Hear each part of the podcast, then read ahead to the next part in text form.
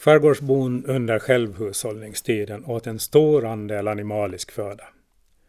Gröt, potatis och bröd hörde visserligen till daglig spis i goda tider, men ovanpå det kom förstås mängder av fisk samt fågel, säl och annat i den mån man lyckades få det inom skotthåll. Därtill kom alla de rätter som kunde utvinnas av de egna tamdjuren och deras ägg och mjölk. Denna kost i kombination med ett förhållandevis omväxlande och rörligt näringsfång hade danat ett släkte med många resliga individer. Sällan stabbiga, men med stor uthållighet och spänst i kropp och sinne. De fiskade, sköt och slaktade sig fram till sina måltider och hade därför en osentimental syn på både vilda och tama djur. Däremot förekom sällan grymhet, hänsynslöshet eller likgiltighet gentemot andra levande varelser. Husdjuren sköttes efter förmåga och resurser och avlivades utan onödigt lidande och viltet respekterades tills man behövde det i grytan. Allt ätbart och användbart togs tillvara. Knappast skulle man ha skickat tackan Ebba eller mjölkkon Sippan på lång masstransport till industriell slakt eller låtit sig lockas av nöjesdödande bland viltet när Hebre var fyllt och magen mätt. Det rörde sig både om respekt och ekonomi. Djuren var kapital, men de var även arter och individer som delade strävsamma livet, var och en med sin särart och uppgift. En hund kunde inte sägas utgöra något kapital på Lillbroskär. Någon sån typ av jakt bedrevs inte och inte fanns där just något att vakta eller valla heller. Likaväl hördes en gång gläfsande från Karls skötbåt när han kom seglande in mot hemmahamnen efter att han utfört ett jobb i Sottunga. När flickorna mötte i hamnen fick de till sin glädje se en brunsvart, lurvig valp hoppa i land, kissa på bron och sätta efter hönsen. Karl hade tagit emot den som delbetalning för utfört arbete. Dels för att glädja flickorna och dels för att det kunde ge en vink om ställets resurser när man satte in en gårdvara att vakta dem. Flickorna ville kalla valpen Maj för att den anlände just då våren välde in. Men när Karl upplyste dem om att det rörde sig om en hanhund fick han istället heta Kaj. Nykomlingen artade sig väl och togs genast upp i flickornas gemenskap. Men av detta blev han också så ompysslad och godmodig att hans gårdvarssyssla blev illa skött. Han trodde alla om gott och skulle säkert ha hälsat varje inträngling med muntert kalla och viftande svans. Det enda som småningom ändå kunde ha avhållit någon från landstigning var den imponerande gestalt han efterhand antog. Drygt 40 kilo muskler byggde han upp med hjälp av de fisk och slaktrester som återstod när husbondsfolket hade tagit sitt och av de skal och matrester han delade med hönsen. Kai ratade just intet och han kände inte till koppel så han skaffade sig säkert en del föda på egen hand också och därtill en praktfull motion genom att jaga efter den. Han blev alltså en prakthund till utseende och lynne. Gjorde väl ingen nytta men spred gemyt och kostade inget i och med att han födde sig som renhållningsjon. Men en dag vid nordlig vind blev han orolig. Trampa, gnydde och trava oroligt längs norra stranden med vädrande nos. Så vade han ut i sundet, började simma landsteg på Storskär och försvann mellan träden. Han blev borta ett par dagar tills en dräng från Jantas i Södersunda satt i land honom när han rodde förbi med några nät. För första gången hade Kaj nu ett rep kring halsen och drängen hälsa från sin husmor att lillbrorskärarna hade att ersätta två prima värphönor och mer än så ifall Jantas jakthund skulle missa jaktsäsongen för att hon blivit dräktig. Karl genmälde att hönorna kunde betraktas som språngavgift och att eventuella valpar inte kunde få bättre påbrå, så Jantas hade kommit billigt undan.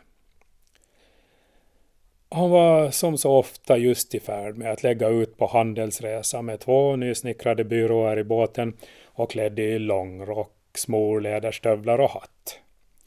Löskragen i guttaperka och en mönstrad slips skymta under rockens bisambrem och ur hans krökta sjöskumspipa bolmade Ogdens Sankt Bruna.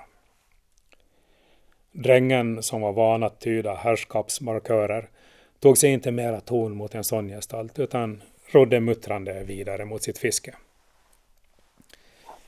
Dubbeltorparen var inte längre den som buga för småfolk och han följde förnöjt drängens slokörade avfärd. Han kastade en blick på sitt fickur, putsade ny silverlocke mot pälsbräme, satte segel och lade ut. Efter detta kom inte heller bondmoran från Jantas med ytterligare anspråk, men Karl hölls ovetande om att Manda även hade blidkat henne med ägg, abborre, ursäkter och löfte om att Kaj framledes skulle hållas under uppsikt. Men eh, Kai Kaj var inte lätt att behärska. Den vanligtvis så stolta gestalten sloka och slockna med rep om halsen. I frihet gav han flickorna så mycket glädje med sin livslust och tillgivenhet. Hemma på skäret var han, var han en vän och en prydnad och han var så samarbetsvillig och förnöjsam att han snart återvunnit fullt förtroende. Så bar vinden åter sina budskap till hans nos och strax forsade sundets vatten om hans bog där han simmar norrut. Åt vindarnas budskap är inte mycket att göra och hans simturer blev återkommande inslag i öns livsrytm. Likaledes att han återbördades på ett eller annat sätt med rep om halsen, vilket han dock med diplomati, vädjan och mönstergillt uppförande snart lyckades få avlägsnat. Skadeståndskraven fick husbondfolket hantera efter förmåga uppe i byarna och Karl fann snart ett visst nöje i detta. Så vitt eh, kraven rörde Kajs intensitet i fortplantningsbestyren, då hade han lätt att komma in på en trivsam våglängd med kvinnorna. Och männen tyckte han om att försätta i bryderi med verbala konster, juristeri och myndigt uppträdande. När Oppgårds-Gunnar var på honom om Kajs påstådda stöld av en hare som hade hängt på rivväggen med enris i magen betraktade Karl honom först en stund med medkänsla i blicken.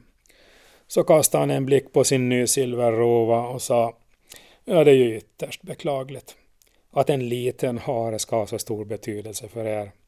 Nå, jag ska mer än gärna bispringa er med en slant så ni kan köpa något annat att äta. Presentera mig bara en enkel räkning så, så ordnar vi det direkt. Men bara för att få det hela korrekt så kan du ju bifoga något som binder Kaj till stölden beedigat vittnesmål från ojävig person eller vad du nu råkar ha till hand så att vi har pappren i skick. Jag kan gärna sticka åt dig en slant direkt också ifall ni har så pass knalt men annars ser jag gärna att vi gör det hela efter god bokföringssed så att jag får det under rätt rubrik i kassaboken.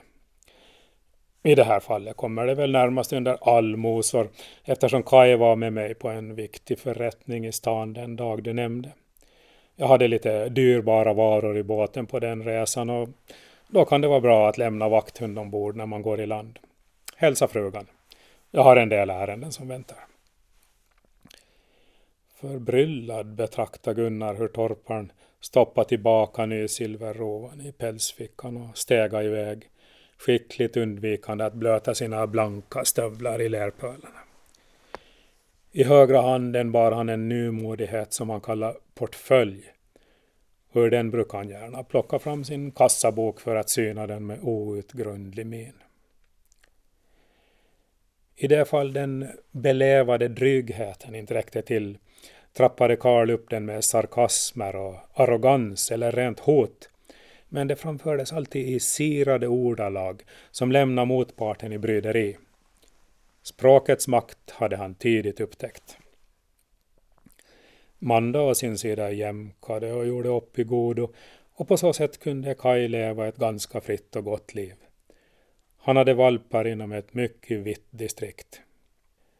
Att ett bångstyrigt och onyttigt djur i just detta fall fick hållas vid liv så länge berodde på ett antal faktorer. Han var en varelse med charm och stil. Han var flickornas kamrat och Manda brukade inte syssla med avlivning och slakt i ett tidigare skede än vid beredningen av blodpalt.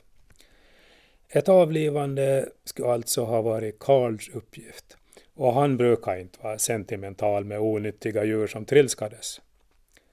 I fallet Kai och dennes speciella svaghet kände han tydligen dock något slags diffust broderskap. Detta sträckte sig ändå inte längre att han i vissa situationer övervägde att nyttja den granna hunden till att bereda ett prima pälsskinn och koka ett par liter hundolja på resten.